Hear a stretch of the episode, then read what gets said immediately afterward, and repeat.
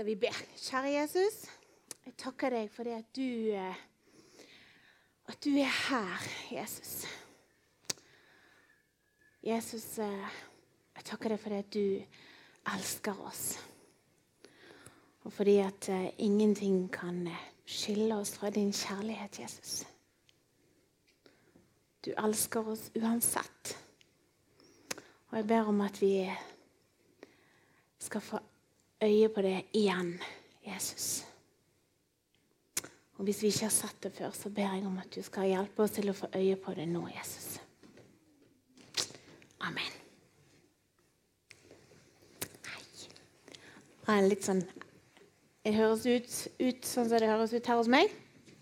Det er litt sånn Ja, greit. Da bytter vi underveis hvis det blir for gale. Hvis noen blir forstyrret av en sånn durelyd, så er det ikke noe vi kan gjøre med.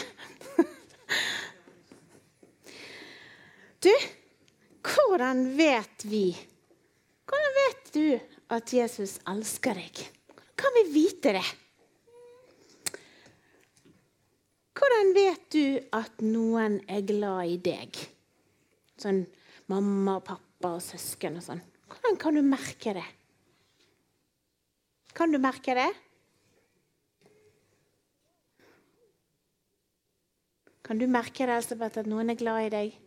Hva gjør de da? Å, du får klemme, Ja, det kan du. Det er noe de gjør, sant? Er det noen andre måter vi kan merke at de er glad i oss på? Ja. Åh, så, fordi han vet at Ja. Ja, sant. Det er sånn vi kan gjøre ting. Er det andre ting? Hæ? Ja. Grete sa at uh, hun fikk pappaen hennes laget raspeballer til de i går. og Da ble hun kjempeglad, for det.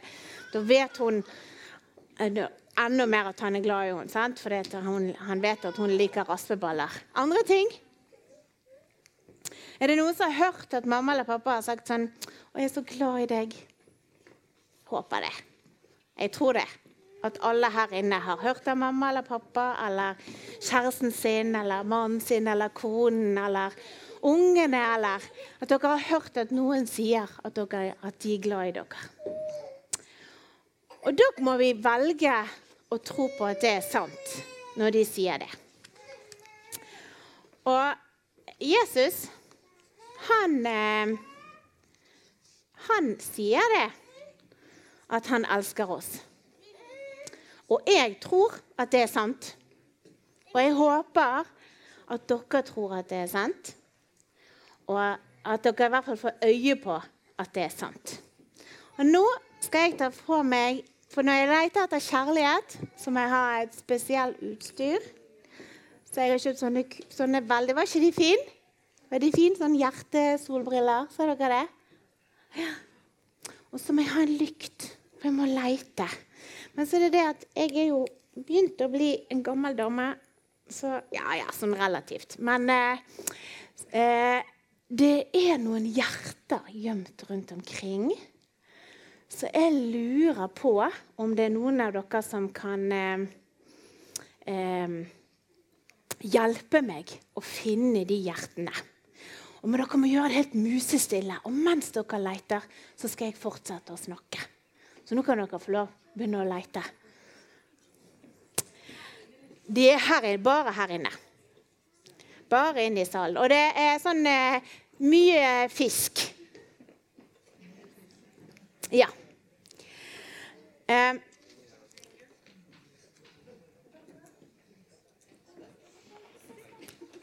Vi voksne, vi kan, Dere voksne kan få lov å bare høre. altså det ble alle. Tenkte det var ungene som skulle få lov til å Men det var jo gøy. Det er helt greit. det er sånn at uh, det er ikke så veldig mange ganger i Bibelen kanskje at det står sånn at Gud sier til oss 'Jeg elsker deg'. Uh, men han gjør veldig mange ting. Og når dere har funnet, De hjertene dere har funnet, kan dere komme fram til meg med. Han gjør mange ting for å vise at han elsker. Og det er er ganske mange mennesker som kan fortelle om at de har opplevd at Gud elsker dem. Eh, tusen takk. Og nå skal jeg ta fram der. Her så kan vi henge de opp. For det finnes mange forskjellige Takk. Det finnes forskjellige måter å vise at man er glad i noen på. sant? Det hørte vi. Du kan gjøre noe. Du kan f.eks. Du kan være trofast. Du kan være nådig og barmhjertig. Du kan eh, eh, omslutte. Du kan la mennesker få kjenne. Sant? Omslutte, gi en klem. Eller eh, sende en melding. Eller det er mange måter å vise at du er glad i mennesker på. Og Gud sin kjærlighet den kan vi se allerede helt i begynnelsen av Bibelen. I skapelsesberetningen. For Gud han skapte ikke bare jorden og himmelen og dyrene. Men Gud han skapte menneskene. Og han skapte menneskene fordi at han ville ha noen å elske. Han ville ha fellesskap med oss.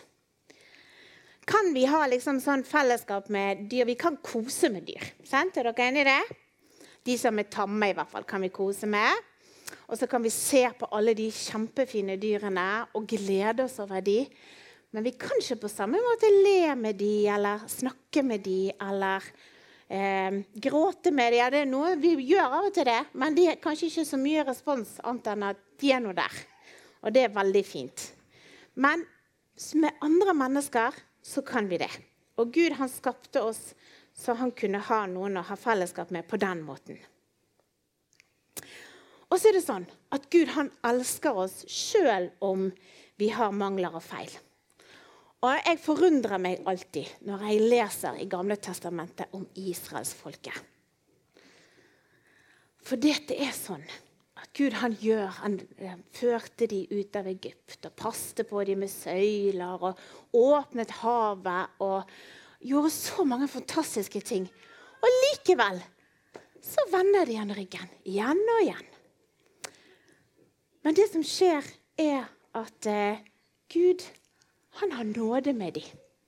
Han viser dem at han er glad i dem, eh, sjøl om de gjør sånne ting.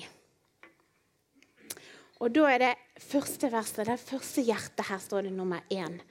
Og Det er det som han forteller til israelsfolket. Fra det fjerne har Herren åpenbart seg for meg. Og det står i Jeremia 31,3. Ja, med evig kjærlighet har jeg elsket deg, jomfru Israel. Derfor har jeg hele tiden vist deg miskunn. Så Gud han sier det. Selv om du gjør utrolig mange dumme ting, og igjen og igjen så synder du mot meg og vender ryggen til meg, så elsker jeg det like høyt. Og det gjør han med oss òg så har vi, en, har vi, noen fortellinger i Lukas 15 om eh, Er det noen som har hørt fortellingen om den bortkomne sønn? Om han som eh, gikk sin vei, og som kom tilbake? Eller om eh, eh, Og hva gjorde pappa nå når han kom hjem igjen? Jo, han sa ikke sånn Å, oh, der er du, endelig. Og nå har jeg vært så redd for deg. Og hvordan, du har du fått alt av meg, og så likevel så går du din vei. Nei. Han var der og tok imot ham med åpne armer og sa Å, jeg er så glad for at du er kommet hjem igjen. Jeg elsker deg. Det er en sånn fortelling om hvordan, hvordan vår far er. Hvordan vår Gud er. At han er glad, elsker oss. Og så sier Jesus i Johannes 15,9, og det er en, noe som vi kan få lov å ta med oss, så sier han sånn Like som Faderen har elsket meg, så har jeg elsket dere. Bli i min kjærlighet. ikke det fantastisk? At eh, han, eh, Gud elsker sin sønn, som elsker oss. Og så kan vi få lov å bli, for, i den kjærligheten. Så har vi noen flere sånne vers som vi kan ta med oss, som vi har funnet. Og vi I 1. Johannes 4, 16 så står det og vi har kjent og trodd den kjærlighet som Gud har til oss. Gud er kjærlighet, og den som blir i kjærlighet, blir i Gud, og Gud i Han. Jeg vet ikke om jeg gjør sånn, så vi får hengt det opp.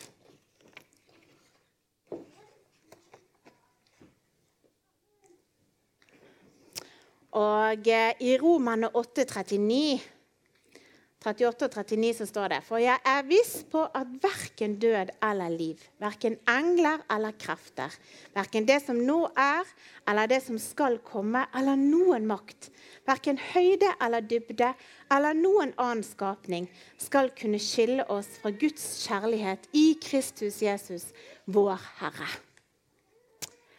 Så det er ingenting som kan skille oss fra den kjærligheten som Gud har vist oss. Og så har vi jo eh, den aller viktigste, kanskje det aller viktigste verset å kunne. Og jeg vet at Det har vi hatt på søndagsskolen. Jeg vet ikke om de kan huske, dere kan huske det. For så høyt har Gud elsket verden. Er det noen voksne som kan det? Kan vi si det i lag? For så høyt har Gud elsket verden, at han gav sin sønn, den enbårne, for at hver den som tror på Han, ikke skal gå fortapt, men ha evig liv. Der står det jo så høyt har Gud elsket verden at han ga sin sønn for at hver den som tror på han, ikke skal gå fortapt, men ha evig liv. Og Det er den største kjærlighetserklæringen noen kan komme med. Tenk at han ga sin egen sønn. Gud viser oss sin kjærlighet til oss ved at Kristus døde for oss mens vi ennå var syndere. Og Det står i Romerne 5,8. Jesus han tok på seg all vår synd og straff. Han var helt uten synd, men han drakk vår synd. Og han lot seg håne og spotte og henge på korset for at den treenige Gud igjen kunne få ha det nære fellesskapet med oss som han hadde egentlig skapt oss til. Og denne kjærligheten kan vi få ta imot bare av nåde. Selve frelsen, den eh, eh, er det ingen, ingenting annet som kreves av oss enn at vi skal si ja. Og det er ikke for ingenting at den lille Bibelen, eller Johannes 3, 16, kalles for den lille Bibelen, for den er Bibelen sitt budskap oppsummert i ett vers. Denne kjærligheten den finner du ikke i noen andre religioner. Her er vår Gud helt unik. Og når vi leser Bibelen og vi hører om det på gudstjenesten og søndagsskolen, så håper jeg at vi får øye på hvordan Jesus elsker mennesker. Og så kan vi finne noen eksempler eh, på hvordan Jesus sin kjærlighet viste seg i det han gjorde mens han gikk her på jorden. Det står mange ganger at Jesus, han, eh, når han så mennesker Kanskje han var trøtt og sliten etter lange dager, men likevel når det kom mennesker der, så viste han eh, de, møtte han dem med inderlig medfølelse og godhet. Det er ikke alltid at han sa sånne ting som mennesker ønsket at han skulle si, eller at han strøk dem liksom med hårene og sa 'det er greit, det går fint', eller 'ja, det går fint', men Men likevel som de menneskene han møtte, de opplevde hans kjærlighet i det han sa, selv om han kunne være direkte og avslørende. F.eks. kvinnen ved brønnen, som, eh, den samaritanske kvinnen som møtte Jesus ved brønnen. Så latet ikke Jesus som at han ikke visste om hennes, eh, hennes liv. Hun hadde et liv som var Hun levde i synd. Eh, men Jesus eh, Hun ble på en måte avslørt. Men istedenfor det som skjedde, var at hun i møte med Jesus så endret det hennes liv. Og Sakkeus, som egentlig var en tyv, som stjal fra folk Jesus sa ingenting engang, men hans kjærlighet det gjorde noe med Sakkeus og gjorde at han ble forvandlet. Og alle de her sannhetene de finner vi i Bibelen. Og Nå har vi gått på leit i Bibelen etter ord som bekrefter at Gud elsker oss. Så nå tar jeg på meg denne, eh, disse forskerbrillene. Og denne forskerfrakken fordi at nå skal vi eh, gå på leit etter beviser på at vi kan stole på at Bibelen faktisk er sann. At den er troverdig. Og jeg har hentet eh, De argumentene som jeg bruker, det er jeg hentet fra en tale av Kristian Lilleheim. Um, så, men jeg oppfordrer dere til å undersøke disse sannhetene videre på egen hånd. Men nå trenger jeg hjelp igjen. For rundt omkring her så er det noen konvolutter med utropstegn, og så står det noen nummer på dem. Kan dere finne dem?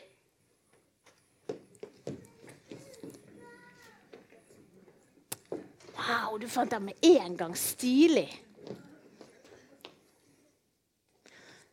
Det er, fire konvolutter. Så hvis dere har funnet fire Nå har jeg én her, og så har dere tre der. sant?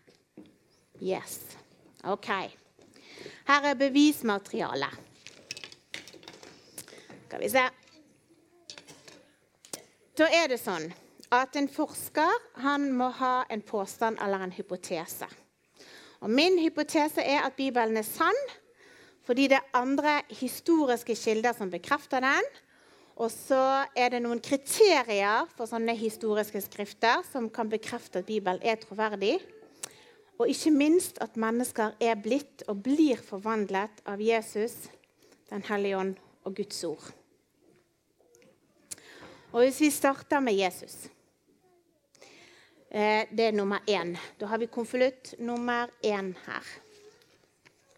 Så er det sånn at eh, eh Her eh, spør jeg er det bekreftet andre steder enn i Bibelen at det levde en spesiell mann på jorden som het Jesus, og at han levde på den tiden det kan hevdes i Bibelen.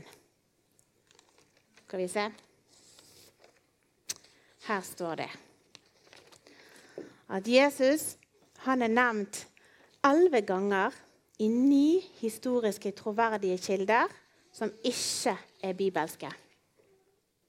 Og Den viktigste er kanskje Tacitus, eller det, hvordan det uttales. Men det er en romersk historiker. Og Han forteller om de kristne som har sitt opphav i en mann som heter Kristus, og som ble dømt til døden av Pontius Pilatus. Og En annen viktig er Josefus, en jødisk historiker. Og Han forteller om en vis mann som ble kalt Jesus, og så forteller han videre om hva som skjedde med Jesus og hans disipler. Og I tillegg til disse så er det ni andre henvisninger i sju andre utenom-bibelske kilder om Jesus. Og ingen av de forteller om en annen Jesus enn den vi kjenner. Tvert imot så bekrefter de han som vi leser at han var. Og For at en historie skal være troverdig, så er det viktig at vitnene eh, vitnenes det de forteller, ligger nær og skriver ned, ligger nær hendelse i tid. Og så lurer jeg på om vi har vitner på at det faktisk skjedde, det som, sto, som står om. Og da må vi åpne konvolutt nummer to.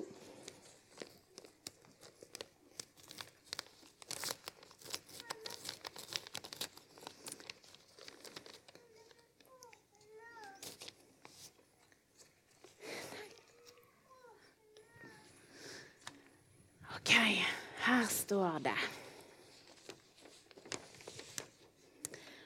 eh, Da kan vi sammenligne Det nye testamentet eller Bibelen med andre skrifter. Og Kildene som du bruker på Muhammed og hans liv, de er skrevet ned 125 år etter hans død. Kildene en har på Siddhartha Gautama eller Buddha, ble skrevet 350 år etter hans død. Og de beste kildene en har på keiser Tiberius' liv, ble skrevet ca. 77 år etter hans død. Men den seneste kilden vi har på Jesus, er 65 år etter hans død. Vil si at den dårligste kilden vi har på Jesus, er bedre enn den beste på keiser Tiberius. Så det betyr at eh, det er troverdig på den måten òg. Så er det viktig at vi har mange vitner til det som skjedde. Og hvor mange nedskrevet vitnemål har vi på det som skjedde, eh, det, det som står i Bibelen? Nå har vi åpnet konvolutt nummer tre. Og da er det sånn at eh, her sammenligner vi òg med andre som vi kjenner til. Og eh, da er det ti kilder til livet om Julius Cæsar. Det er 20 manuskripter til Tacitus, den mest troverdige romerske historikeren. Mens vi har 24 633 manuskripter til Det nye testamentet. Og Det betyr at historien om Jesus er uendelig mer bevitnet enn Julius, enn, enn Julius Cæsar, f.eks. Og ennå så er det sånn at ingen tviler på at Cæsar fantes, men Jesus han, vi, han, reserverer vi oss mot. Og Det handler kanskje noe om at Jesus han må vi ta stilling til på en annen måte. Men så har vi konvolutt nummer fire. Og da var det sånn at De som var øyevitner, det er viktig at de skrev det ned og sto for det de skrev. Um, og om de gjorde det for at de kunne bli rik på det, eller bli berømt, eller fordi det ble tegnet et veldig sånn fantastisk flott bilde av dem. Og Det er et kriterium for at historien skal være troverdig, at de forteller sannheten. At ikke de forteller løgner. Og da skal vi se her. Ble noen rik og berømt av at de fortalte om Jesus sånn som de gjorde? Alle Jesus' sine disipler, bortsett fra Johannes, ble drept pga. sin tro. De ble kastet ut av synagogene. De ble slått og torturert, forfulgt og drept. De hadde ingenting å tjene på å fortelle det de hadde hørt og sett. Men de kunne ikke la det være, og de kunne ikke forlate det ble det tegnet et uh, fantastisk perfekt bilde av disse folkene i Bibelen? Nei, heller litt flaue. Når Jesus trengte støtte, så forlot alle disiplene han. Og han som var mest, en av de mest sentrale skikkelsene, Peter, han fornektet Jesus tre ganger. Og mange, ganger, mange steder står det at disiplene ikke forstår hva Jesus snakket om. Jakob, som er stamfar for Guds folk, er en svindler. Moses er en usikker leder og en morder. Og David drepte en annen mann fordi kona hans var gravid med hans barn. Du ville ikke skrevet alt dette om du ville lokke folk til å tro.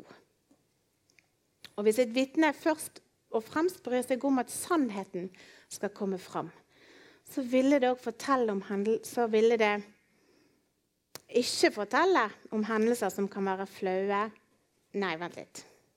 Lese, dette må jeg lese en gang til.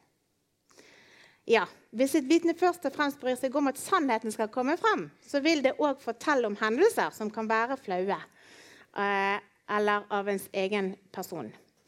Mennesker lyver enten for å se bra ut eller for å slippe unna skyld i en sak. Du finner ikke på løgner for å få for å få seg sjøl til å se dårlig ut, med mindre en faktisk forteller sannheten.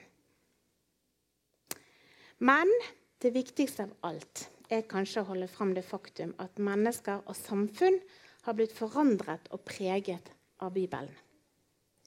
Vi har vitnesbyrd fra mennesker i vår tid og i tidligere tider om hvordan Jesus' sin kjærlighet har forandret deres livssituasjon. Paulus kvinnen ved brønnen, Sakkeus, rusmisbrukere, kriminelle, slaver og mange andre mennesker. Kristian Lilleheim sier at skal vi være historisk korrekte, så kan vi med 99% vitenskapelig sikkerhet tro at vi leser øyenvitners beskrivelse av hva de så Jesus gjøre, og hva de hørte han si.